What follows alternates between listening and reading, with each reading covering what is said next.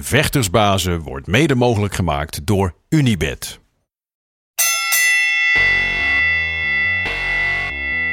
It's time for Vectorsbazen!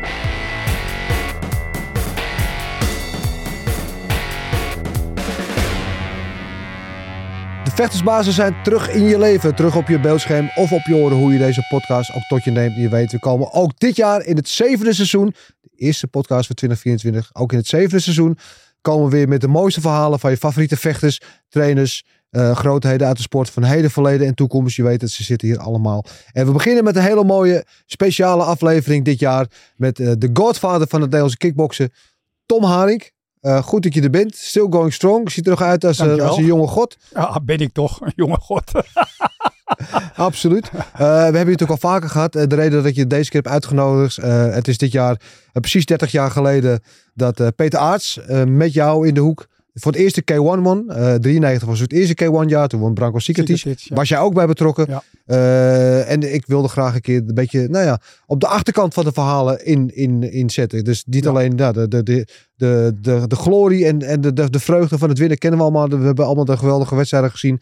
Eh, maar we weten allemaal, een toernooi Het Is afzien, natuurlijk het een- afzien van ja, het is natuurlijk een apart beest. En de toernooi is natuurlijk een heel andere dynamiek dan een los gevecht. En Absoluut. ik ben zo benieuwd naar hoe gaat het eraan toe? Hoe, hoe, ten eerste, als je met een vecht een toernooi ingaat, hoe, hoe bereid je hem voor? Bereid je hem anders voor op een, dan, dan op een gewone wedstrijd? En kun je ons daar een inkijkje in geven? Nou, dat niet zozeer. De trainingen bij Chakuriki waren eigenlijk altijd of je nou een one match vocht of meerdere Ja.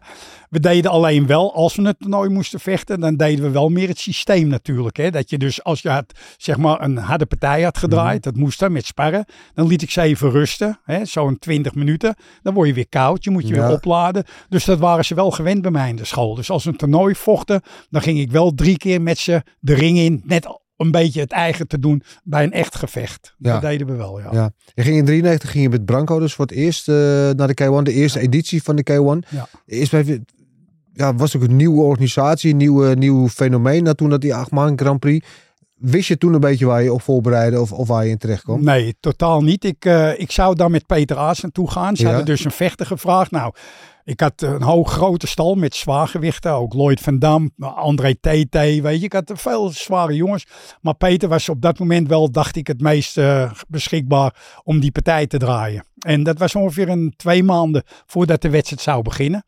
En toen ongeveer drie weken voor de partij werd ik gebeld door eh, de secretaris van Ishi. Ja, En eh Stacy, ik weet het nog goed, ze zegt: Tom, er is een jongen uitgevallen uit Australië. ja. We kunnen niet zo snel nog een andere vechter vinden, maar we weten dat jij meerdere zwaargewichten hebt. Heb jij nog een partij? Heb je nog een jongen om te kunnen Ja. vechten?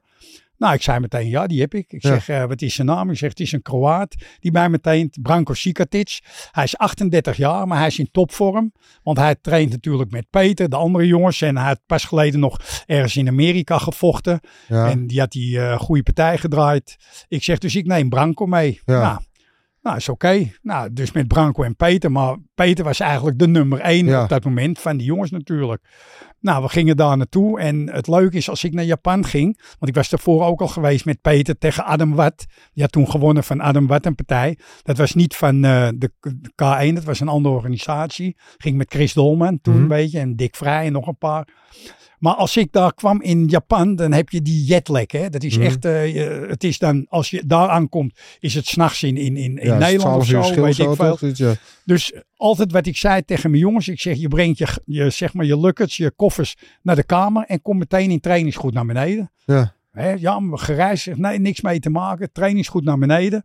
En toen ging ik met Branko en Peter in de parkeergarage, gingen we een beetje warm draaien, Mhm. touwtjes springen. Nou, ze waren vermoeid gewoon, ze wilden naar bed. Maar als je naar bed gaat, het is dan, dan kun je s'avonds weer niet Dan slapen. je dus dat ritme kwijt, ja. dus dat had ik er gewoon ingevoerd en dat was heel goed. En het leuke was, ik hoorde later van Rico Verhoeven, die heeft dat in zijn boek geschreven. Hij zegt, ik deed precies wat Tom Haring met zijn vechters deed. Eerst trainen als ik daar aankwam. Maar het bleek dan, op het moment was je moe, maar had je getraind, dan voelde je je een stuk lekkerder. Dus dat was al Even nummer één wat wij eh, deden. Nou ja, eh, de eerste K1 in 93. Peter vocht zijn partij. De eerste, ik geloof dat hij de eerste won. De tweede verloor hij toen. Tegen uh, NS de Hoos waarschijnlijk was dat of zo. Eh, weet ik niet. Nee, Hoos vocht, ja, Hoos vocht de finale toen tegen Branco. Ja, die vocht de finale tegen Branco. Maar goed, en ergens was ik wel blij, want anders had je Peter tegen Branco gehad. Hè? Als Peter ja. uh, had gewonnen, die, die partij. Dus uh, vooral in Japan. Maar ja, niemand verwachtte dat een 38-jarige man, die eigenlijk een invaller was, dat hij daar drie partijen op knockout won. Want ja. hij won eerst tegen Satake, hij won van die Thai, Champeuk ja. hij. En toen van NS de Host op knockout. Dus uh, met zijn 38-jarige. Ja, ik, ik wist wat, wat hij kon, maar ze wisten in Japan niet wat voor type dat was natuurlijk.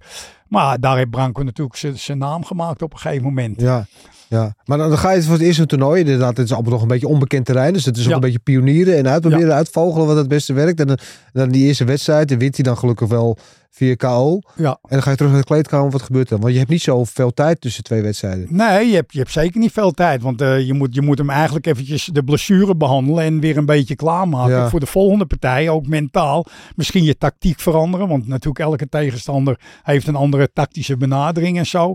Wij waren meestal wel in de aanval. Wij be beslisten wat voor tactiek we wilden hebben. Want het was wel echt knokken geblazen. Maar het is mentaal is het natuurlijk heel belangrijk voor een trainer om zijn jongens op te peppen. Ja. Want er zitten echt wel eens jongens dat ze er doorheen zaten hoor. Ja. Ook, uh, ook jongens dat zeggen, ook mentaal, ah, het gaat niet meer en ik heb pijn en zo. Ja. Maar naarmate je ze weer opknapt en dan denken ze toch, het was een groot geldbedrag natuurlijk ook.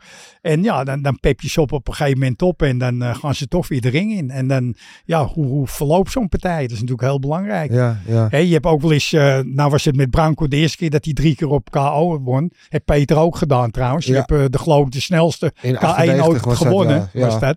Hè, maar uh, ja, je, je, moet ze toch weer uh, zien op te peppen. En Ja. als je dat met een team doet en die dat gewend is, dan, ja, dan heb je een sterk team uh, met elkaar. Ja, en wat zijn de dingen, dat, zoals met, met Branco, zag je, zag je nog wat voorbij wat je toen tegenkwam, wat hij van blessures meenam, bijvoorbeeld uit eerdere wedstrijden tussendoor? Nou, nou, de eerste, zeg maar, K1 Branco had bijna geen blessures. Nee. Wel daarna had hij wel eens gehad dat zijn zijn been zo'n scheur in zat. ja, Maar met Branco had ik dat niet zozeer hoor. Dat hij, uh, omdat hij toch alles snel op knockout ging winnen. ja, Wat wel eigenlijk een leuk verhaaltje is, dat wil ik je vertellen. Dat was toen nog dat uh, Branco won. Toen kreeg je s'avonds met uh, zeg maar het feest wat er was, ja, kreeg je het geld uitgekeerd. Hè? Dus iedereen zag dat je 100, het was toen 100.000 uh, dollar.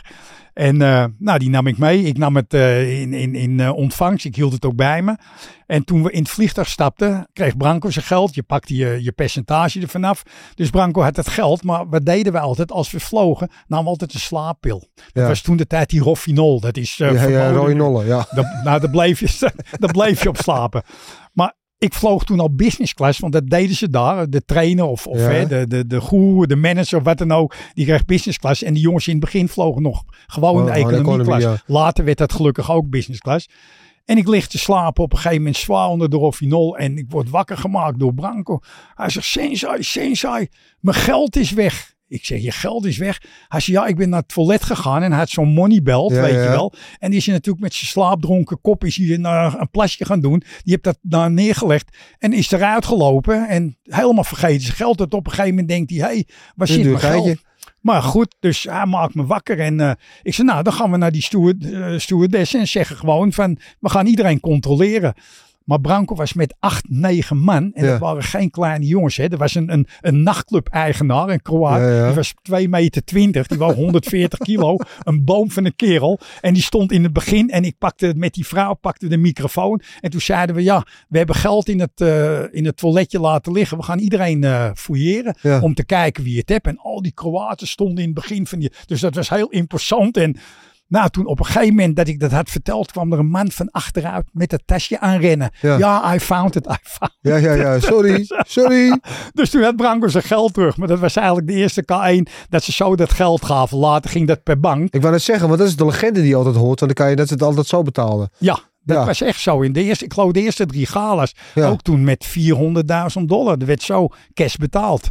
Ja, En dus, daar betaalde je ook je belasting al. Dus dat was wel dat de belasting was betaald. Maar Ja. ja, het was toch een risico met zoveel Om geld, zoveel geld eh, over lopen. hotelkamer. Maar dat was daar eigen. ja. Ik weet nog goed, Branco vocht toen tegen Marraker een, uh, een uh, MMA Ja, gevecht. ja, ja, de drie ton voor. Ja, Dat werd zo vooraf betaald.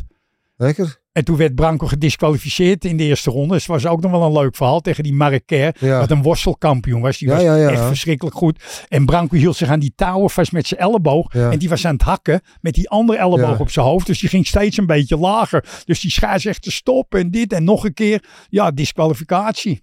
Nou, we zitten de volgende dag zitten we in het hotel. Zitten we lekker bakje koffie te drinken. Komen er zo zeven, acht eh, van die japjes aan. In keurige pakken. Met eh, allemaal een aktentasje. En allemaal een pinkje eraf. Ja, ja, Dus dat ja, was die Yakuza. Ja, maar die kwamen eh, naar mij toe en buigen en heel keurig van Mr. Haring, can we talk with you one minute? Ik zeg oké, dus ik sta op en Branco die blijft zo zitten en zijn Ja, bak dat is koffie. En toen zegt hij, we want some money back because Branco is disqualified, so we want about 20, 30% that you give back to us. Dus ik zeg tegen Branco, Branco, they want your money back. Ik kan het hier niet, omdat die microfoon, nou, dat Branco staat op. He said, who wants my money back? Zo, en je weet hoe imposant die is bij die kleine jappies.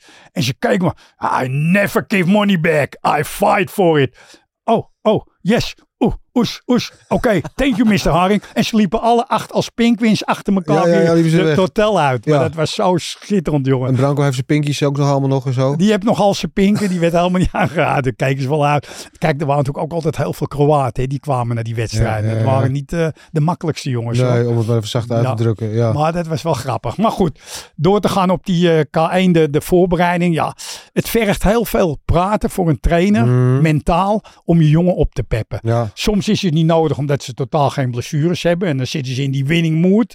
Maar je hebt ook wel eens dat een jongen een blessure hebt. Dat hij toch zegt, ja, ik kan dit niet meer gebruiken. Of Ja. mijn hand is gebroken. Of hè, mijn, mijn, mijn been ligt in elkaar.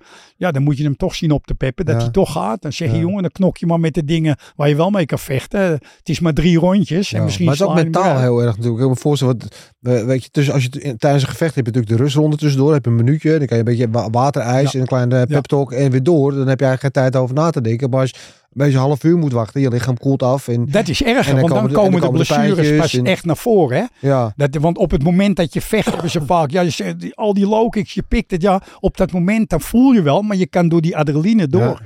Maar als jij in de kleedkamer 20 minuten, dan gaat het pas echt werken en dan wordt het stijf en het wordt koud. Dus ook die voorbereiding, die opwarming mag weer niet te lang duren. Nee. Omdat natuurlijk ook de vermoeidheid gaat meespelen. Ja. Maar ja, dat moet je aanvoelen. Ja. En dat is bij elke vechter anders. ja, Ook de begeleiding en de benadering bij vechters. Ik bedoel, ik heb honderden jongens gehad natuurlijk. Maar het is bij iedereen anders. En dat voel je op een gegeven moment. Dat, dat krijg je niet die avond daarmee. Maar dat heb je al met de training in de sportschool. Dat je weet hoe iemand reageert op, op pijntjes. Hè, hoe die zich mentaal voelt. En ja, dan is het aan jou om, om met zo'n jongen proberen weer 100% te, te gaan worden. Ja. Ja, Branco, eh, 38 was hij. Nog steeds volgens mij, eh, als ik het niet vergis, de oudste K1-winnaar Ja, ja. van, eh, van het toernooi. Is dat ook meteen zijn, zijn pinnacle geweest, zijn hoogtepunt? Dat had dat Nee. nooit meer... eh, Nee, ik, ik weet nog goed dat de afscheidswedstrijd van Branco, die was natuurlijk heel bekend en heel geliefd. Want Ja. vooral de eerste K1-winnaar. Je weet in Japan een legende, dan heb, ben je dat voor je leven. En toen was hij 43 jaar. Toen moest ik bij Ishi komen op kantoor boven Mhm. in eh, het Nieuw Takanawa Prince Hotel. Daar zat hij altijd. En toen zegt hij, eh, Mr. Tom, I want a farewell fight for Branco with Ernesto Hoest. En dat was net die periode dat Ernesto Hoest al zijn partijen won. Dat Ja, hij daar ja, ja, ja. de K1 won. En toen keek ik hem zo aan. Ik zei, ja, zullen we dat doen wel? Hè? Zal we do this? Hè? Ik, ik vind ook een afscheidpartij moet je wel een goede hebben. Maar je hoeft niet de beste te hebben op dat moment. Maar ja, hij wilde, nee, hij zegt alleen die partij wilde die doen. En anders ging die eh, afscheidswedstrijd niet door. Dus ik ga naar beneden naar Branco. eh, die zat eh, in zijn kamer. Ik zeg, Branco, we have talk together. Ik zeg, eh Mr. Easy wil je tegen Ernesto Host hebben, maar ik ben daar niet zo content mee. En hij pakte dat grote hand en die legde die zo op mijn hand. Dan Ja. zaten naast elkaar. Hij zegt, Tom, Ernesto, he can never beat me. En dat zei hij zo met overtuiging. ja. Ik zeg, so you agree with this fight? Ik zeg, je wil dan echt die Ja. partij hebben tegen Ernesto? Hij zegt, yes, please. Nou, dus ik terug naar Isi. Ik zeg, nou, het is akkoord. ja. En toen was hij 43. En toen won hij ook weer op knockout van Echt? Ernesto. Want ik heb. Ernesto wel eens gehoord in een interview. Hij zei, ja, ik weet niet tegen Branco. Ik kan niet winnen van Branco. ja, iedereen is dus kryptonite, hè? Iedereen heeft altijd tegenstander waar het niet te gelukt. Ja, styles make fights. Ja. ja, bijzonder. Als je, als je achteraf Branco denkt, is dat die K1 misschien voor hem, hij won dan die eerste, dat het voor hem misschien beter was geweest als het een paar jaar eerder was begonnen. Ja, zeker, tuurlijk. Kijk, als Branco zeg maar de leeftijd had van Peter Aarts, nou Ja. dan... eh, ik denk wel dat hij eh, diverse partijen eh, daar had kunnen winnen wel hoor. Want Ja. kijk, hij werd toch ietsje langzamer. Aan de andere kant, hij werkte wel heel erg op zijn ervaring. Hè? Hij had natuurlijk ook honderden partijen gewoon gebokst. Engels Ja. boksen, hè, die wat veel mensen niet weten. Hij had 180 wedstrijden semi-contact gevochten. Ja, Hè, dus dat is met full contact, maar dan eh, een beetje snapbewegingen. Ja. Zeven trappen boven de gordel en zo. Ja, ja, ja. Maar het zijn toch partijen. En boksen doe je hetzelfde. Ja. Dus die je draait. Dus hij zat ook aan de 300 wedstrijden. Hè, vergis je niet. Dus ja, en ik heb hem leren kennen in Zweden. Die had toen een, een landen, eh, Zweden tegen Joegoslavië heette ja, dat toen ja, nog. ja, ja. Daar waren ze nog kwaad om, want toen was net eh, Kroatië afgescheiden van Joegoslavië. En toen was ik scheidsrechter, want toen hadden ze een neutrale scheidsrechter. Dus het was een landenteam tegen elkaar. En daar kwam Branco toen naar me toe. En toen was hij al redelijk ouder. En toen zei hij van, eh Mr. Haring, can I eh, talk with you? And I want to train at Shakurigi Gym. You okay? Ik zei, ja, is oké. En toen sliep hij ook bij me in de sportschool, hè, Branco. Hè, twee Ja. jaar lang moest hij schoonmaken. En toen was hij al wereldkampioen. Maar toen was hij al redelijk oud. Maar daarvoor had hij partijen gedraaid, jongen. Nou, dat was fantastisch. Gigantisch gewoon. Ja, en ja, hij was inderdaad eigenlijk een beetje te laat eh, ingekomen. Ja, ja Anders of had ze hij zijn al waarschijnlijk wel begonnen meer... eh, ja. Ja, ja. En dan had hij natuurlijk ook nog een keer dat Peter van zijn team in dezelfde school. Dus ik bedoel, Peter was ook geweldig. En ja, dan, die had hij altijd nog tegen hem. Ja. Dan, weet je. Dus het was een beetje moeilijk. Ja, ja, en aan de andere kant kan je ook zeggen natuurlijk dat Iron Sharp is Iron. Dat ze elkaar natuurlijk ook omhoog hebben Ja, gestuurd. nou, dat is het alleen maar. Daar moet Ja. je eerlijk in zeggen. Je kan nog zo'n goede trainer zijn. Maar als ik één man heb die goed is, is Ja. het voor mij moeilijker dan dat ik tien vechters die echt goed zijn rondlopen. Want die gaan elkaar opvoeden om een hoger niveau te bereiken. Ja. En jij gaat dat ondersteunen als trainer. Ja. Maar dat is wel makkelijk. En er zijn nu ook scholen die veel kampioenen hebben. Dat is makkelijker, omdat ze al veel jongens hebben om mee te draaien met elkaar. Dan ga je terug in 94. Kom Ja. je met Peter. Ehm merkte je toen, want jij komt daar binnen dan als de, coach van de kampioen. Merkte je Ja. dan dat, dat er wat veranderd was ook in jouw status en dat je daar... eh, Ja, heel, heel erg. Want in Japan krijg je natuurlijk heel veel respons voor wat je doet. Hè? Als je daar eh, wat, wat wint, dan wordt het ook echt geaccepteerd. Weet je, het is toch een iets andere mentaliteit Ja. wel dan Nederland. Maar goed, ik bedoel, je moet toch vechten. Of, of ze je wel of niet leuk of aardig vinden. Je moet weer knokken. Maar wat ik wel merkte in die drie jaar dat we achter elkaar die K1 wonnen, dat Shakuriki zo populair werd. ja, En waar merkten we dat uit? We verkochten ook onze t-shirts. Ja, ja, had natuurlijk allemaal steentjes staan. Maar hij was, dat, dat is natuurlijk ook nog een hetze geweest tussen elkaar. Izzy was Saido Kaikan. En die had Satake, eh, Musashi. Ja, die had heel veel Japanse zwaargewichten.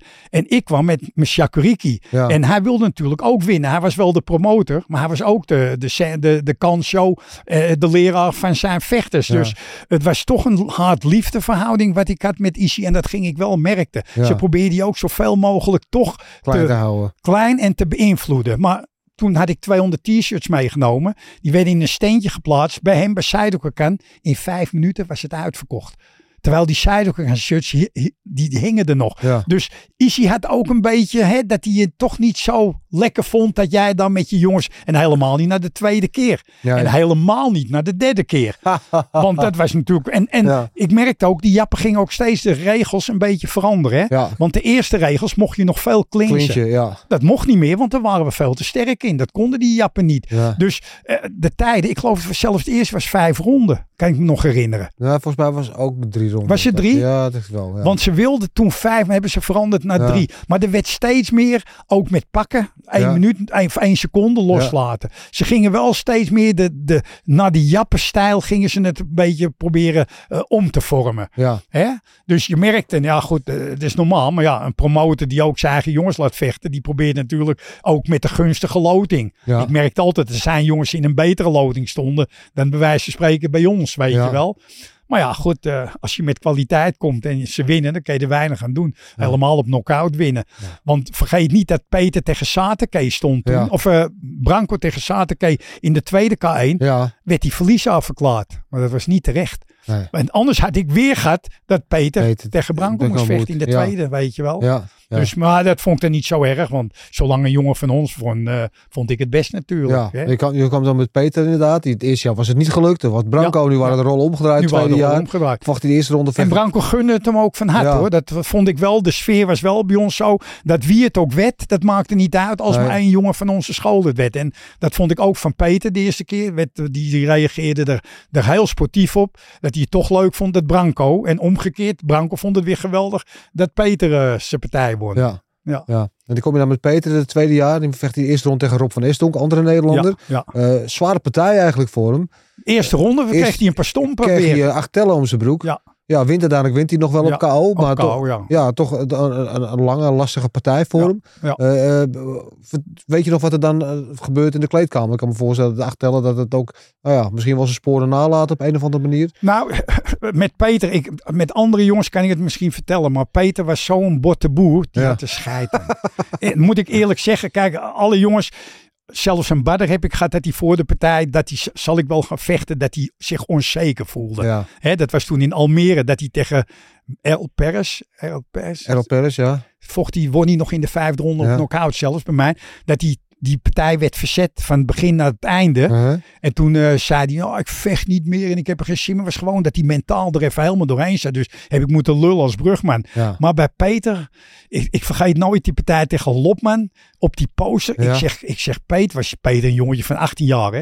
Ik zeg, Peter, kijk eens naar die armen van die Lopman. Ik zeg, ik krijg geen stomp van hem hè. Zo zet ik hem Ja, een beetje te jennen. En Peter had ik alle dunne armpjes. En toen, ja, maar toen zei Peter, sensei, look eens naar mijn, eh, kijk eens naar mijn kuiten. Ja. Peter had zulke onderkuiten. Maar dat, die antwoorden, weet je wel. Ja, dus ja, toen, toen na die ronde dat hij hij had gewonnen, gewoon zijn partij. En hij zit in de huis. Oh, maar ik ben nu wakker, zei hij hoor. Sen, ik ben wakker.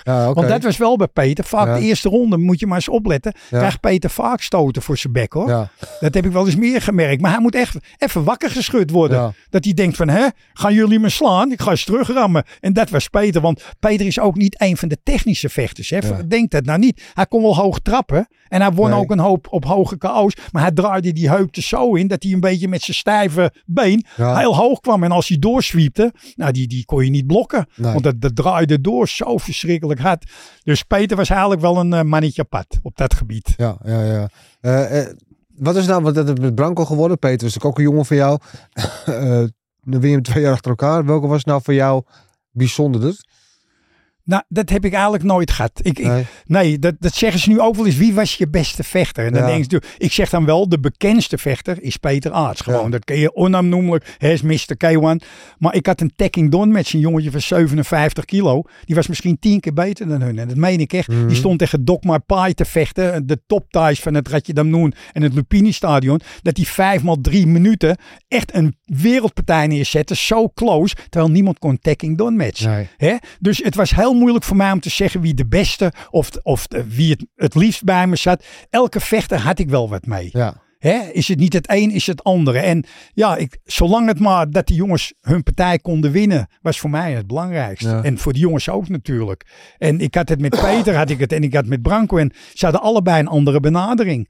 Branco, hè, daar moest ik echt een beetje tegenaan. Van je gaat er tegenin en je moet hè, knokken. Dan moest ik meer een, eh, een donderspeech houden. Terwijl Peter moest ik eerder een beetje rustig houden. In het begin ging ik dan wel tekeer, maar dan was hij op een gegeven moment, dan ging hij al zo ver met mij mee. Dan moest ik weer even doucement. ja. Ik heb een zwager weer gehad, is even leuk. Dat was Kenneth Plak. Die Ja. vocht in Moskou Ja. om de wereldtitel. Ook tegen een Engelsman.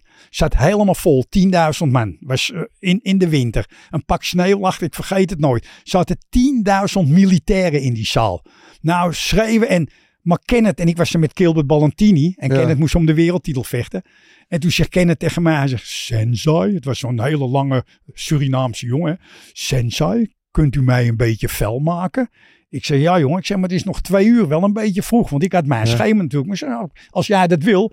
Dus ik begin met een beetje warm te draaien en te praten. En pak die titel en je sloopt hem en dit. En je kent het dan wel. Op een gegeven moment gaan die ogen gaan rollen. En ik ben ook een beetje trapkussen en praten. En op een gegeven moment slaat hij helemaal door. Gaat hij met mij vechten. Dus hij pakt mij en hij gaat knieën en trappen. Maar Kilbert komt net uit het toilet. Ik zeg, Kilbert, hou vast. Dus hij schopt de spiegel aan tweeën. Ja, ken het, draaide helemaal door door mijn speech, weet je wel. En toen op een gegeven moment hebben we hem op de grond. En ik geef hem een paar klap op zijn wang. En zeg, zeg ken het, je, je vecht met je eigen. Stop, stop. En dan gooi de water in zijn gezicht. En Oh, sensei, bloed ons, zijn teen bloedde helemaal. Oh, sensei, sorry, dat, dat is niet mijn bedoeling. En elke keer als ik hem nu nog zie, of wat, altijd nog zijn excuus. Van sensei, sorry dat ik u klappen gaf en trappen gaf. Maar we lagen dus te worstelen. Maar goed, zijn been helemaal verbonden. En toen zeg ik, ik zeg, zie je, dat komt ervan. Ik zeg, je moet nog even rustig wachten. Nou, toen heb ik een kwartier voordat hij moest opvechten, deed ik het weer, maar een beetje Ja, rustig. ja, en half, ja. hij wordt nog zijn partij op knock-out ook, terwijl ze bij hele poot in elkaar staat. Maar je moet ermee opletten, dus iedereen heeft toch een andere benadering. Hè, hoe je iemand op moet fokken om die partij te gaan winnen. Ja, maar als je nou Peter neemt, hè, specifiek, hè, die je net noemt, ik bedoel, eh, van 93 tot 2010 heeft hij geloof ik op één jaar na geloof ik elke keer de laatste acht gehaald. Hij Ja. heeft er drie keer gewonnen, hij Ja. heeft nog drie keer de finale gehaald. Ja. Dus hij is, kan je wel zeggen, echt de ultieme toernooivechter. Ja. Wat maakt hem zo geschikt voor toernooien? dat hij de scheid aan heeft. Ja. Peter heeft scheid. Ook, ook hij is. eh, tuurlijk heeft hij blessures. Maar, maar Peter kan dat wel zeg maar uitbannen. Als hij pijn in zijn poot heeft, dan, dan kan hij zeggen: Oh, ik voel niks. Ja. En dat, dat is een hele goede karaktereigenschap. Ja. En dat zullen meer jongens hebben. Maar Peter had het heel extreem. Ja. En, en ook de wil om te, te winnen. Kijk, zijn laatste partij dat hij bij me vocht is inderdaad tegen Sam Schild geweest. Nou, iedereen staat die partij nog voor ogen. Want dat was eigenlijk een finale partij. Ze wedstrijd. sta- ja. stonden op de banken. Die Ja. jappen zaten te huilen ook in de zaal hè, naar Ja. die partijen.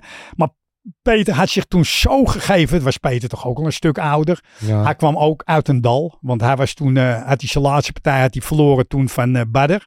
Weet je wel, dat hij eh, die sprengelde knie een beetje en dat hij neerging. En toen kwam hij bij me weer trainen, want Peter was een tijd weg geweest bij me. Dan ook natuurlijk de afstand helemaal steeds van naar, naar Amsterdam van best. Maar toen had ik hem wel zo geprepareerd. Nou, hij was zo gemotiveerd en ook weer in topvorm. Want die wedstrijd, we hebben we, zeg maar die training na die wedstrijd, Ja. ben ik zo goed met hem bezig geweest. Maar niet te hard. Ik Ja. trainde niet zoals ik dat ik met Hestie deed of Nee. met, eh, met die, die andere zwaargewichten Ja, je moest doseren. doseren. En Ja. dat deden ook een hoop trainers niet. Toen Jeroen Leban ook bij me kwam, was ook al ouder. Als ik die mee liet trainen met mijn systeem, redden ze het niet. Nee. Ik moest tegen achter de rug van die jongens. Hestie, rustig aan, niet te hard ja. In de ring. Echt Ja. waar, hè? Dat was dus die nieuwe generatie. Ze konden niet dat niveau. Maar als ze in de ring staan, dan hebben ze wel die ervaring. En dan blijft het altijd moeilijk. Ja. En dat was wel met Peter. Ja. Weet je, als je eenmaal in die ring stond. Maar ja, je moet zelf ook wel kunnen trappen en uitdelen. En dat was een beetje weg bij hem. Toen die partij dat hij. Want hij zat toen bij Jan Plas. Maar Jan had toen problemen met zichzelf. En dat zei hij ook. Eh, hij was ook niet meer helemaal één met de vechters. En toen is hij teruggekomen. Toen heeft Peter geloof ik zes partijen bij me gevochten. Alle zes gewonnen. Ja. Tot de laatste Tot de finale, finale, ja. partij. Dat hij van, eh Van verloor. overheen verloor. Maar toen zat hij ook helemaal stuk hoor. Ja, maar even eh, één stap dan vooruit lopen. Hè? Die partij tegen Sam Schild, de meeste, in ieder geval oudere kickboxfans, hè? Ja. die kunnen zich dit nog wel herinneren. Het was een geweldige wedstrijd. En het was ook een beetje de, ja, toch een beetje de blauwdruk hoe je Sam Schild moest bevechten. Want was in de tijd waar Sam Schild eigenlijk een soort van onverslaanbaar was. Onverslaanbaar. Omdat- ja, niemand eh, wist hoe hij het moet doen met die lange stelte. En hij had natuurlijk Ja. zijn spelletje geperfectioneerd. En Peter deed eigenlijk als eerste. Inkomen. Ja. Inkomen. Als je, als, je, als, je niet, als je bij hem niet invecht, heb je geen schijn van kans. Want Nee. ten eerste is hij te lang, te groot en te sterk. En met die malle tenen, hij trapt een Ja, ja, cheap. Dus niet eens met de bal van zijn voet. Nee, gewoon zijn tenen vooruit. ribben, Zo heeft hij je Jeroen. Lebanne eruit getrapt in de eerste ronde. Toen is Jeroen Lebanne bij me gekomen naar Ja. Die partij. ja. Maar ik zei tegen Peter, Peter, alles erin. Alleen maar kleumen. Doe Ja. maar een straatgevecht. Ja. Doe maar net of die je kind hebt geslagen. Nou, of je vrouw. Ja, zo praat ik ook met die jongens. Hè? Ja. Dat ik ze opfok. Ik zeg, gehoord. Je moet maar denken dat, dat, dat, dat die je zoon een paar klappen geeft. Laat jij je zoon slaan? Toch door niemand. Al is hij drie meter. En zo stond ik te praten. En dan zag ik die kop van Peter gewoon. Wat? Mijn zoon slaan? Wat? Ik sloop hem. in. En dan zei ik nog eens. Peter, denk om hè. Hij wil je zoon slaan. En dan ging hij erin. En dan zag je me. Hij kon er niet eens bij komen. Maar hij sprong er soms in. Om hem te raken. Weet je. Nou, dat was fantastisch. Ja, Ja. Geweldige kleunpartij. Ehm ja, Zijn eerste partij vocht hij tegen Mighty Mo. Ja. Die won hij op knockout met een hoge snel. trap. Ja. Ja. dat ging vrij makkelijk toch op Schild. Dat was absoluut een slijtageslag. Dan lag hij ook ja. volgens mij best wel een puinpoei. Zag in zijn gezicht ook. eh, nou, hij ging naar het toilet toen. En toen piste die bloed. Hè, Na de ook, hè. Hij, ja, hij pas- plaste bloed. En dat vond ik toch wel eng. Want ik denk, hé, eh, iets met je lever of weet ik veel. Je in je nieren. Maar toen eh, lag hij zeg maar een kwartiertje. En toen zegt hij, nou, ik voel me eigenlijk best weer goed. En Ja. terwijl die lag, liet ik hem al bewerken. Hè? Want ik, ik voelde dat hij heus wel ging vechten. Ja. Ik deed net alsof van, nou, Peter, als het niet gaat, gaat het niet. Maar ik was bezig met hem dat hij wel moest vechten. Hè? Want dan, die jongens lekker masseren, even warm weer worden. En een beetje drinken. En zijn nek goed. En in zijn, eh, ijs in zijn nek. En toen op een gegeven moment zegt hij, nou, zeg, ik ga er tegenaan, ik ga het toch proberen. Ik zeg, wat, je sloopt hem. Maar ja, ik merkte toen, toen was hij echt op. Hij Ja. was echt op. Maar had, jij toen zelf, had jij toen zelf je twijfels? Want na, na zo'n slijtageslachtig Ja, ja. schild. ik eerlijk gezegd voelde ik, je redt het niet. Nee. Kijk, omdat uh, Lester is ook een goede vechter, Ja. een sterke jongen. Had niet zo'n zware partij gehad en uh, hij was fit dus. Ik, ik voelde toen, ik denk, nou, we gaan het proberen. Want kijk, een stomp is een stomp. Hè. Als Ja. Peter je raakt, dan uh, ga je ook neer. We gaan het proberen. En ook voor Peter en ook voor de organisatie. Want anders ging die finale partij niet door. Dat is ook een afknapper, hè. Als je Mm. Ja. een achtmans toernooi hebt en je hebt geen finale. En toen Peter weer de zaal in kwam, jongen, nou, die hele zaal veerde op. Want ze dachten ook geruchten, hij vecht waarschijnlijk niet meer en zo. Maar ja, hij ging er toch weer in. En dat is, dat is Peter. Ja. Hè, alle hulde aan hem qua eh, karakter. Ik, ik kan hem wel naar die ring toe praten, maar hij moet erin staan. Ja. Dus de eer is voor die jongen gewoon Ja. dat hij dat, dat heeft. En ja, dat vond ik geweldig. Ja. Ja.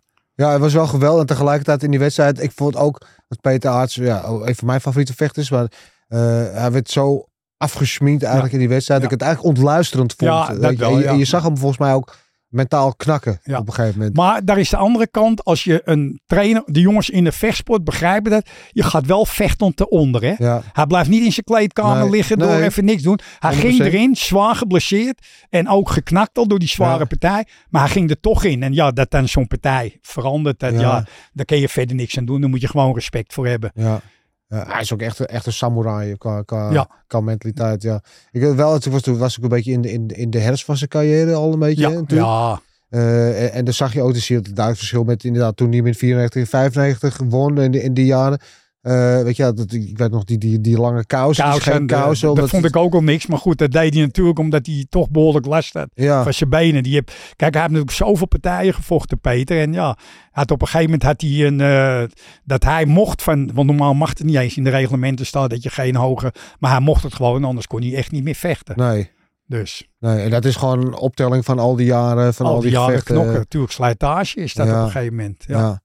Ja. Had hij dat dan ook na die, na die wedstrijd tegen los? Van je zegt bloed, bloedplas, dat lijkt Ja. wel serieus genoeg hoor. Maar Ja, ja. Wat, wat waren de andere dingen waar hij toen mee, mee kampte? Weet je dat ook? Nou, had ook wel last van zijn kaak, had hij. Want hij heeft toch ook een knie gekregen van Sam Schild eh, in, de, in de hoek, dat hij een keer in de hoek grote stond. knieën, ja. Zie je raak, hè, die mot, hè? Ik raak hem ook nog. Dus maar eh, nou, het had ve- meerdere dingen, weet je. Hij had ook last van zijn hand en eh, ja, ook wel pijn aan zijn benen. Maar hij was gewoon op. Hij was op. ja. En als je dan even ligt, dan voel je je wel weer beter. Maar ja, kijk, 20 minuten, een half uur kan je niet herstellen van zo'n zware partij. Dat is onmogelijk. Dus ik wist het wel, maar ja, we gingen het toch proberen. En ja, daar ben je een vechter voor. Ja. Hè, een samurai. En, en Shakurigi, die geeft toch nooit op. Dat is mijn stelregel. En kijk, gaat het echt niet. Ik had ook de handdoek kunnen gooien. Hè? Dat dacht Ja. ik nog aan. Maar ik weet dat wilde Peter absoluut Nee, niet hebben. Want ik heb heus wel eens bij vechters van mij een handdoek gegooid. Eh, Niet vaak, maar als ik echt dacht. Ik heb zelf wel eens een partij, wat ik, eh, zat ik te kijken bij mensen in het buitenland. Dat die jongens zo geslopen werd dat ik naar de ring liep. Dat ik een handdoek pakte en in de ring gooide. Ja.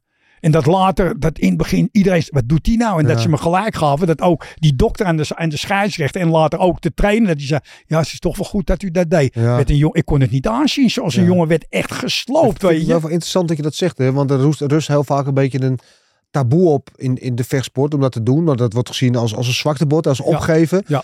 Terwijl eh, ik ben van mening, ben, ik wil, wil weten hoe jij erover denkt, dat je als trainer ook een verantwoordelijkheid hebt om te waken over de geschiedenis of over de gezondheid van je vechter. Niet alleen die avond, maar ook op lange termijn. Dus je ziet dat iemand veel onnodige schade in eh, op, oploopt. Ja. Weet je, dat, je, dat het eigenlijk je verantwoordelijkheid is om. Kijk, de scheidsrechter kan hem stoppen, Ja, de dokter kan hem stoppen, ja. de vechter kan hem stoppen en jij Ja. als trainer. ja En ik heb het niet nooit- vaak gedaan. Nou, niet snel, een. Nee. vechter.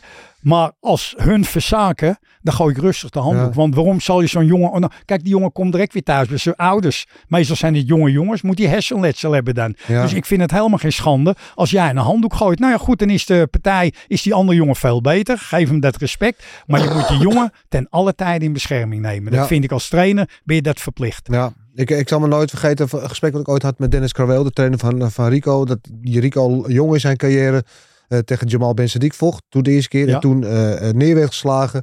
Eh, en dat Dennis Corwell toen ook de handdoek gooide. En gewoon puur zo van, ja, hij kan nog wel doorvechten.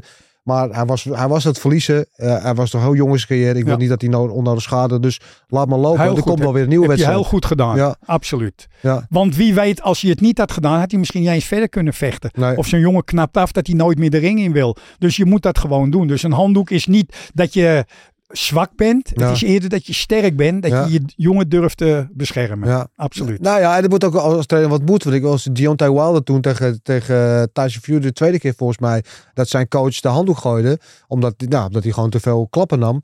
En die heeft later zijn trainer ontslagen. Omdat hij vond dat dit had hij nooit mogen doen. Denk ja, volgens mij ga je nu je doel voorbij. Want Ja, dat vind ik niet. de coach eh, waakt altijd. Eigenlijk moet, hij, eigenlijk moet hij heel dankbaar zijn dat, hij, dat hij zoveel gevoel heeft. Want het kan ook omgekeerd zijn dat een, een trainer denkt, ach, krijgt de pest, wat maakt mij het uit? Die gozer zit in de ring, hè, hij vecht, hij wint of verliest. Hè, ik vind dat juist heel goed als zo'n jongen dat doet. Meen Ja. ik echt. Dus Ja. ik begrijp die eh, houding eerlijk gezegd. Nee, ik, ik, heb, ik heb er moeite mee. Het, het, het ook een beetje eh, vaak met de betaalstructuur volgens mij te maken. Dat vechters krijgen eh, show money en win money. Ja, En het moment dat je die handdoek gooit, dan verlies je eigenlijk je kans op je win money. oké. Dat is ook wel, ja, dat, ik snap dat wel, maar ik denk ja, uiteindelijk, wat is dan die, die, die paar centen op de lange termijn? Begrijp je? je, als je, je gezondheid. toch? Ja. Ja, goed. Ehm, dus 2010 we hadden we het net over, hè? dus met Sammy Schil toen, die geweldige wedstrijd. En toen uiteindelijk Alistair. Tussendoor 95 won hij toen ook. Eh, en toen vocht hij de halve finale tegen Ernesto Hoost. Ja. Dat volgens mij een extra ronde kwam.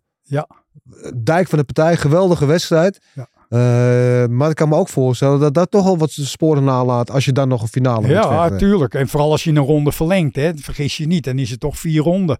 Kijk, wij hadden dan zeg maar acht man. Ik heb zelfs een keer gevochten met 16 man in Japan. Ja. Met Nobu Hayashi. Dat was die Japanse K1. Ja. Dus die moesten vier partijen vechten. En toen werd Nobu ook van mij en kwam in de finale. Terwijl ze hem helemaal niet konden, die jongen. Nee. Want hij kwam als 18-jarige jongen bij mij in de sportschool. Was 140 kilo. Ja, Met eh pokdalig gezicht Ja. en eh, zijn haar stond omhoog. Dat ik met mijn zoon stond te wachten. Waar is die vechter uit Japan? Dat we hem totaal niet zagen. Want het was één dik proppie wat langskwam. en later komt hij naar me toe. Hij zegt, eh, mister, oh, Nobu, ja, zie je, Nobu. Nou, die heeft toen een metafose ondergaan bij mij in, in een half jaar. Die viel 30 kilo af en zijn haar geschoren. En hè, dat werd echt een, een strijder toen. Maar die moest toen vier keer vechten op zo'n avond. Ja. Wat denk je wat dat is, zeg? ja, ja, dat is wel heftig ook hè.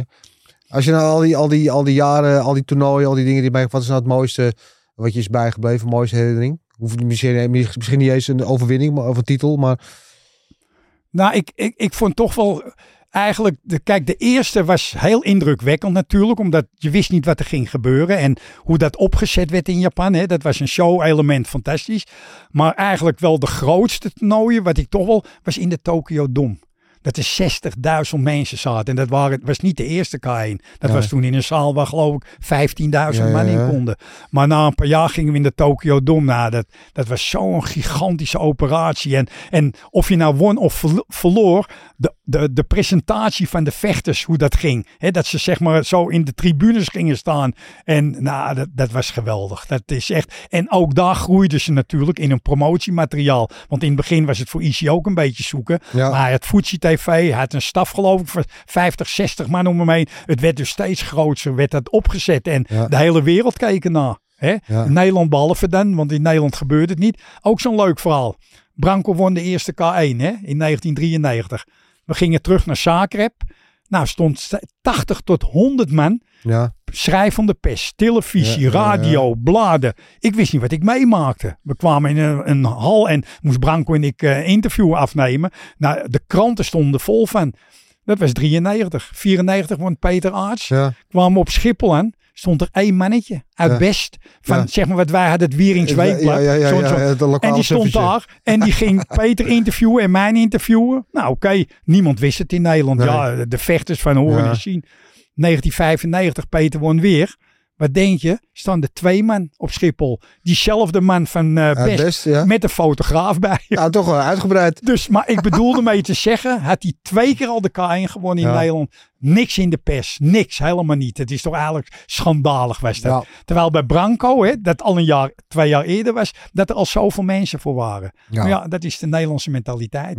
Is wat dat betreft, hè, want jullie zijn toch, eh, eh, jij bent namen vanaf de jaren 70 al, maar dus de jaren 80, jaren 90, was een beetje de hoogtijdagen van het, van het kickboksen aan het, aan, aan het pionieren. eh toch word je de basis gelegd van wat nu, weet je, krijgen wel die vechters veel meer de aandacht. ja. Nationale televisie, talkshows, eh et cetera, Ja. zelfs eh, filmrollen, noem maar op. Gelukkig wel. Ja.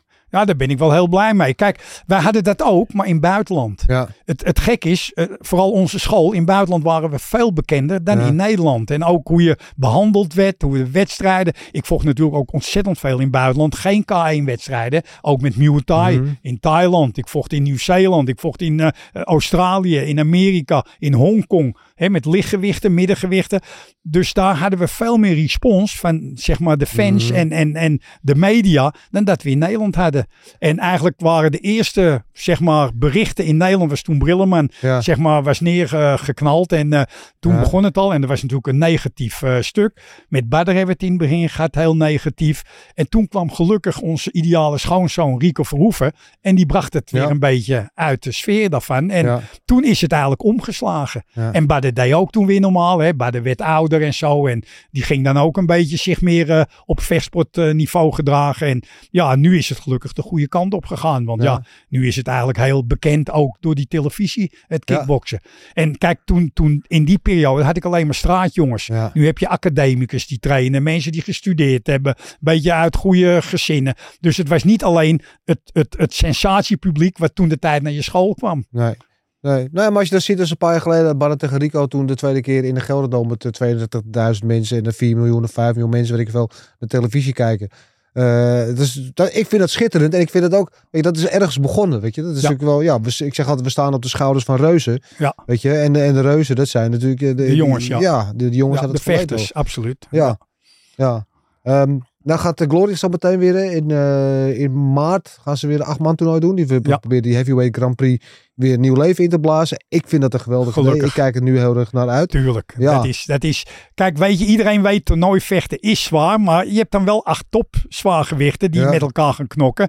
En dat is, ja, dat, dat is. Je weet namelijk niet wie de winnaar gaat worden. Terwijl als je een one-match hebt, dan ben je toch sneller geneigd. Oh, rood of blauw wint. Ja. Nu is het toch van zoveel factoren afhankelijk. Hè? Hoe kom je de eerste ronde door? Hoe kom je de tweede ronde door? Hè? Dus het, er zit meer spanning en sensatie in, in die achtmanstoernooien. Ja. Dus ik, ik, ik, ja, ik juich het eh, van harte toe. Ja, als je nou eh, als, als ervaringsdeskundige, iemand die dat eh, trucje een aantal keren succesvol heeft uitgevoerd, Ja. de blauwdruk moet geven aan zeg maar die acht jongens die nu dat toernooi gaan doen. Om succesvol je voor te bereiden op het toernooi en het toernooi dan vervolgens ook door te komen tussen de wedstrijden door. Wat voor adviezen zou je dan geven? Ja, ik, ik zou toch zeggen, die eh, trainers zeggen van benader een beetje het systeem van die wedstrijden. Ga Ja. met je jongens zo trainen. Want het is natuurlijk anders dat jij anderhalf uur bikkelhard traint en je zit lekker in die flu. Dan dat als je op een gegeven moment lekker warm bent, Mhm. je hebt gespat met elkaar en je zegt nu ga je 20 minuten even niks doen. Ja, En dan ga je weer op. Dan zijn ze daar ook aan gewend. Je moet er wel aan wennen hè, aan Ja. dit systeem natuurlijk. En vandaar dat wij misschien heel goed beslagen thuis kwamen. Want dat deed ik al bij de eerste K1. Dat ik wel het systeem nabootste van drie keer vechten op een Ja. avond. En dat deed ik dan in de school. Dat deed je dan iets korter. Want ja, je gaat niet natuurlijk zo'n hele avond vullen. nee. Maar dan deed ik dat in twee uurtjes. Ja. Dat we toch drie keer die jongens weer op moesten peppen om te vechten. En dat zou ik zeker doen. Ja. Ja, en als je dan hebt over de, de avond zelf, hoe benader je dan zo'n avond? Ga je dan naar zo'n avond heen? Dus schets, dat eens een beetje van, van begin tot eind. Nou ja, zo'n avond is natuurlijk eigenlijk de voorbereiding op de eerste partij is een beetje hetzelfde als dat je een normale, Normale partij wedstrijd, om hè? one match eh, vecht. Het gaat juist om na die partij. Hoe ga je dan met je jongen om? En Ja. ja, dat is natuurlijk bij, bij iedereen anders. Hè?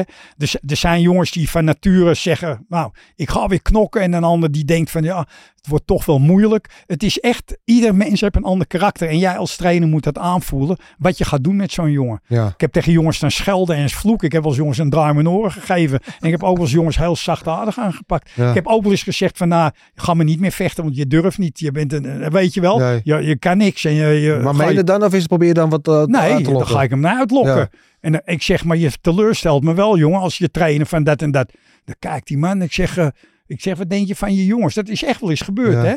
Ik, ik zal je één partij zeggen, het is leuk, met Gilbert Ballantini. Die vocht toen tegen Desjardins Ja. op de, op de een koloniale eilanden van Frankrijk. En eh, de derde ronde heb eh, die was een goede vechter. Had Gilbert zijn knie, lag helemaal in elkaar. Maar hij draaide goed en hij zit in die derde ronde tegen me. Hij zegt, Sen, ik kan niet meer. Mijn been die wil niet meer. Ja. Terwijl het ging gelijk op, hè, die partij. Ja. Maar hij had gewoon ongelukkig een paar goede petten gehad. Ik zeg, luister jongen, als je niet doorgaat, ik sloop je dat je hele teringkop in de kleedkamer zo sprak ik echt tegen hem. Ik zei, wat wil je? Een pak slaag van hem of van mij direct een pak slaag? Hè, we waren natuurlijk jonge jongens Ja, en zo. Ik zeg, en je kan het, god, je gaat door in een paar goede vloektermen erdoor. En we denken, hij wint zijn partij nog. En toen zei hij ook later tegen mij, en hij zegt, Sen, als u me dat niet had gezegd, ik had gestopt, hè. Ik was Ja. echt willen stoppen. Maar ik ben zo blij, en dan pakte hij me beter, dat ik toch heb gewonnen. Dus jij moet voelen als trainer hoe je met zo'n jongen om moet gaan. Ja. ja, en dan verschilt het inderdaad ook nog van vechten en zo. eh. Ehm, nou, daar ben ik ook wel eens in de kleedkamer geweest. Dat je met vechters bezig bent aan het voorbereiden. En dan weet ik dat je een heel bloemrijk taalgebruik af en toe hebt om die vechters te motiveren. En je noemde net al met Peter dat je zei van, eh, weet je, hij wil je zoon in elkaar slaan, Ja, dit en ja. dat. Geef gewoon voor het lol eens een keer een paar voorbeelden van dingen die je allemaal hebt geroepen tegen vechters. Daar ben ik wel echt benieuwd naar. Ja, want ik heb dit wel eens is- wat gehoord, Je maar zit, je zit ook kinderen te kijken misschien. nee, dat wil ik niet doen. Dat zijn echt scheldwoorden. En dat is, dat, dan schaam ik me eigenlijk zelf. Maar dat is op dat moment het doel om die vechter weer fanatiek en goed Ja. in de ring te krijgen. Maar het is niet ethisch verantwoord wat ik dan allemaal zeg. En ik ga dat op mijn tachtigste jaar hier, ga ik dat echt niet verhalen. Want kijk, sommigen zijn onschuldig. Maar er zijn ook wel dingen die echt heftig zijn. Maar daar prikkel ik die man mee. ja, Ik heb wel eens gezegd, bij wijze van spreken, ik zal er eens zeggen. Hij heb je moeder gem. ja, Weet je, ik zal dat woord daar niet zeggen. Daar kijkt die man. Ik zeg, ja, dat heeft hij verkracht, die gozer. En dan kijkt hij, wat? En omdat ze zo met je bezig zijn en je bent hun Ja, ja. leraar. Nou, dan, dan, dan was hij ook aan het slopen. En ik heb met een partij gehad, een jongen, dat hij hem ook de eerste minuut na die partij ook eruit sloeg. Ja. Zo gemotiveerd was hij, want hij dacht dat hij zijn moeder had aangerand. Weet je wel? Maar bij de een kan je dat zeggen, bij een ander kan je dat niet zeggen. Nee. Dat moet jij aanvoelen wat je kan Nou, zeggen. ik wou dat zeggen. Wat dan zeggen? Ik probeer me dan altijd zelf in die situatie te verplaatsen. En denk, als je dat tegen mij zou zeggen, zou ik echt denken, wat? Ja, nee, dat heb je het nee, over? nee Ja. maar dat zal bij jou niet lukken, denk Nee. ik. Maar dat weet jij als trainer. Kijk, die jongens die trainen dag en nacht in je school. Ja, Vergeet het niet, hè. Ik bedoel, er zijn, zoals Peter ook, die, die trainde toen al tien jaar bij me bijna. En elke dag, eh, zelfs twee keer op een dag. Dus je kan met zo'n jongen lezen en schrijven. Je weet precies wat hij wel en wat hij niet leuk vindt. ja. Maar je moet ze weten te prikkelen. Ja. Ik denk ook als je dat bij een verkeerde jongen zegt, dat hij jou nog een klap voor je kop geeft. Bij wijze van spreken. Dus je moet dat wel goed aanvoelen. Maar Ja. Dat zeggen ze. Ik was wel een mental coach. Hè. Dat, dat kon ik schijnbaar heel goed. Dat, Ja. eh, dat weet ik niet. Dat komt dan vanzelf eruit. Ja. Ik heb nooit studie gehad van sportschoolhouder of leraar. Hè, Ik ben ook maar gewoon als jongetje begonnen met zes jaar lagere school. Maar ja, dat zit dan in je schijnbaar. Ja. En dat komt er dan wel uit. ja. Heb je wel eens momenten gehad dat je, je zei net, dat ging soms wel heel ver, dat je achteraf dacht van, oh, ik schaam me een beetje. Nee, nee, omdat dat, eh, het, het lukte dan. En omdat het lukte, was het voor hem ook goed. En het, ik was wel vaak zo dat na de partij, als rustig zaten te praten, hè, je ging er 's ochtends ontbijten met elkaar. Die zegt, Peet, wat ik zei, ik meen het niet. Hij zegt, nee, Sens, het maakt niet uit. Ik heb toch gewonnen, ik heb toch gewonnen. Weet je? En ook tegen andere jongens wel. Ik zeg, Ja. kijk, ik bedoel het niet echt zo. Hè, maar je weet dat ik het voor jou doe, hè, jongen. Want ik hou van je. Dat zei ik dan ook echt. Want Ja. ik hield ook van mijn jongens. Dat is echt, er komt natuurlijk een verschrikkelijke band met die vechters. En ze zien in jou toch de man die hun naar die overwinning moet eh, laten. En je weet, bij ons was een strakke discipline. Er was echt wel een, een autocratisch lesgeven en een afstand tussen leraar en leerling. Wat ze eigenlijk hier niet propaganderen. Je moet heel eh, democratisch lesgeven. Nou, ik was een autocraat, ik was een dictator. Ja. Maar buiten de eh, training was ik een normale man en Ja. kon normaal met me praten. Ook, voor, ook in de school met, met trainen. Kom er niet met smoesjes aan bij me. Na de partij, na de les, kon je gewoon met me praten. Een bak koffie. En, hè, de, maar onder de les geen tegenspraak. Dat dulde ik gewoon niet. Maar ja, dat was toch mijn systeem van lesgeven. En dat Ja. heb toch wel gewerkt altijd. Ja, dat blijkt wel, ja. Dat is wel goed gegaan Ja. een aantal keren. Ja. Maar eh, ja, schitterende verhalen kunnen we volgens mij nog eh 50 jaar over doorgaan. Ja. Ik wil nog één onderwerp, onderwerp even aansnijden. Ik weet dat het ook jarenlang een stokpaardje voor jou is geweest. Namelijk de Verenigde Vechtsportbond. Die Ja. hebben we nu, hè? Ja. Eh, de Nederlandse Vechtsportbond is Ja. in, in oprichting of is officieel Gelukkig, opgericht. ja, is opgericht nu. Zat in de kinderschoenen, Peter Quint. Daar is de voorzitter. Ik kan me voorstellen dat dat iets is waar jij blij mee bent. Ja, heel erg. Ik heb dat altijd lopen gillen. ik weet nog goed dat toen die vechtsportautoriteit, die werd toen in het leven geroepen. Toen zijn ze allemaal als eerste de mensen die dat moesten doen bij mij gekomen.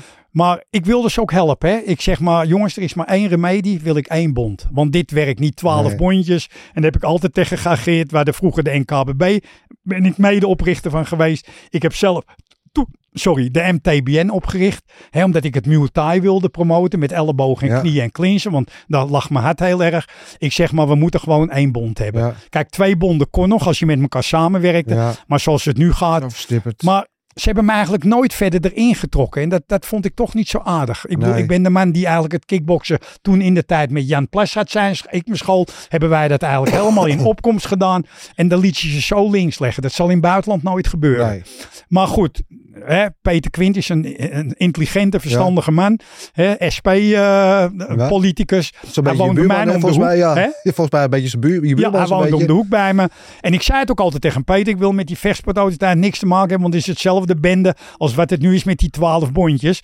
Maar ja, hij zegt ook, Tom, ik ben het met je eens. Er Ja. moet één bond komen. En nou, dat hebben ze gelukkig nu gedaan. En we moeten even afwachten hoe dat gaat. Hè, de ontwikkeling. Ja, Want eh, er zijn nog steeds bondjes die wel organiseren. Wat ik weet. Hè ja, in, in, in soort vechtsportzaaltjes, dat het toch nog wel een beetje wild Ja. georganiseerd wordt. ja, maar dat zal nog wel even duren, toch? Want Ik een denk dat het nog wel over decennia gegroeid is. Daarom. Dus voordat het helemaal is teruggedraaid, dat zal even... maar ik vind het een hele goede ontwikkeling en ik, ik denk ook dat, dat, dat ze het echt wel goed gaan doen. Ja. Maar ja, je moet wel wedstrijden gaan organiseren. Want kijk, de laatste jaren zijn er toch veel. Hè, de, de, de, de professionals komen wel aan de bak. Maar waar komen de amateurs? Waar de vroeger kon je in het land elk weekend drie, vier verschillende locaties Ja, kon je vechten. Zeker? Er Ja. waren kinderen die hadden al meer dan 100 partijen gevochten. Hè, zoals die Ricky en Nicky Hols en Ja, die ja, groep ja. Uit, uit Breda en uit Ja. Eindhoven. En met Mickey Bennessoef. Die hadden jeugdpartijtjes. Nou, die vochten. Was ook niet goed. Moest lopen natuurlijk met hoofdkappen. Dat werd later ook allemaal beter. Maar ik vind wel.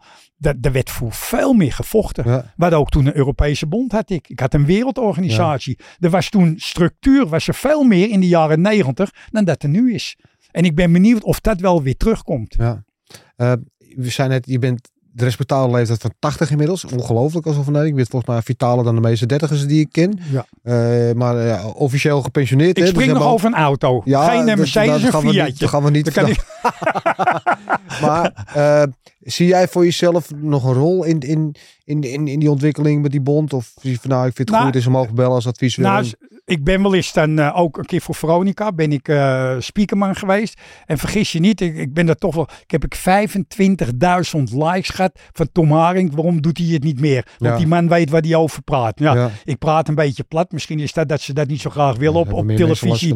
Maar ik zou zeker me nog wel te diensten willen stellen. Maar ja, ik ga me niet aanbieden. Dat Nee. doe ik niet. Nee, Maar als ze komen met ervaringdeskundigen en je hebt vaak kranten nog op dit moment als er een partij is te zeggen Tom, wie gaat de winnaar worden, weet je, dat ik een zeg maar een eh, prognose zeg, dat vind ik leuk, maar ik voel me nog goed, ik ben nog Ja. eh, capabel voor alles, weet je, dus eh, ja, je lijkt me niet het type om achter de geranium te nee, blijven zitten. nee, daarom en daarom, kijk, ik zit veel op social media, omdat ik, ik heb natuurlijk zo'n 30.000 foto's van vroeger ook, hè, dat waren nog gewoon die ouderwetse foto's, dan ben ik die aan het fotograferen, die zet ik dan op Twitter, op TikTok, op Facebook, en dat vinden die jongens ja? geweldig, Ja? ja, ik zit tegenwoordig op alles, omdat ik weet gewoon, die jongens vinden dat leuk. Ik heb dat materiaal en doordat ik het erop zet, hebben hun het ook. Ja, Want kijk, vroeger liet je je rolletje liet je eh, ontwikkelen. ja. En dan had jij het. Maar je jongens hadden dat vaak Nee. niet, weet je. Dus eh, zodoende ben ik het eigenlijk gaan doen.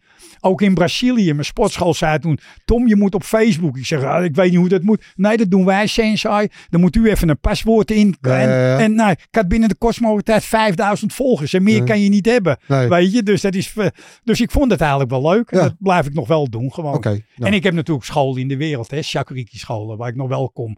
In Moskou, daar kan ik nu even niet naartoe door die oorlog. Maar in Belarus kan ik, ben ik ook pas geweest nog, toevallig Ja? ook via een omweg. Maar ik heb in München een school, in Japan heb ik twee scholen, in Brazilië heb ik twee scholen. Dus ik ben nog continu Ze bezig. zijn nog lang niet van je af. Ja, nee, absoluut niet. Mooi. Eh, Tom, ik wil je bedanken weer voor weer een eh, heel mooi gesprek. Graag. Mooie verhalen. Dankjewel. En eh, we gaan elkaar ik vond ongetwijfeld het hartstikke zien. leuk. Ja. Helemaal top. Oké, hoes. Hoes, jongens, allemaal bedankt voor het kijken. Je weet waar we te vinden zijn op alle platformen. Vergeet niet te liken, te delen. Vooral te abonneren. En dan zijn we de volgende week weer met nieuwe vechtsfase. Hoes. Hoes.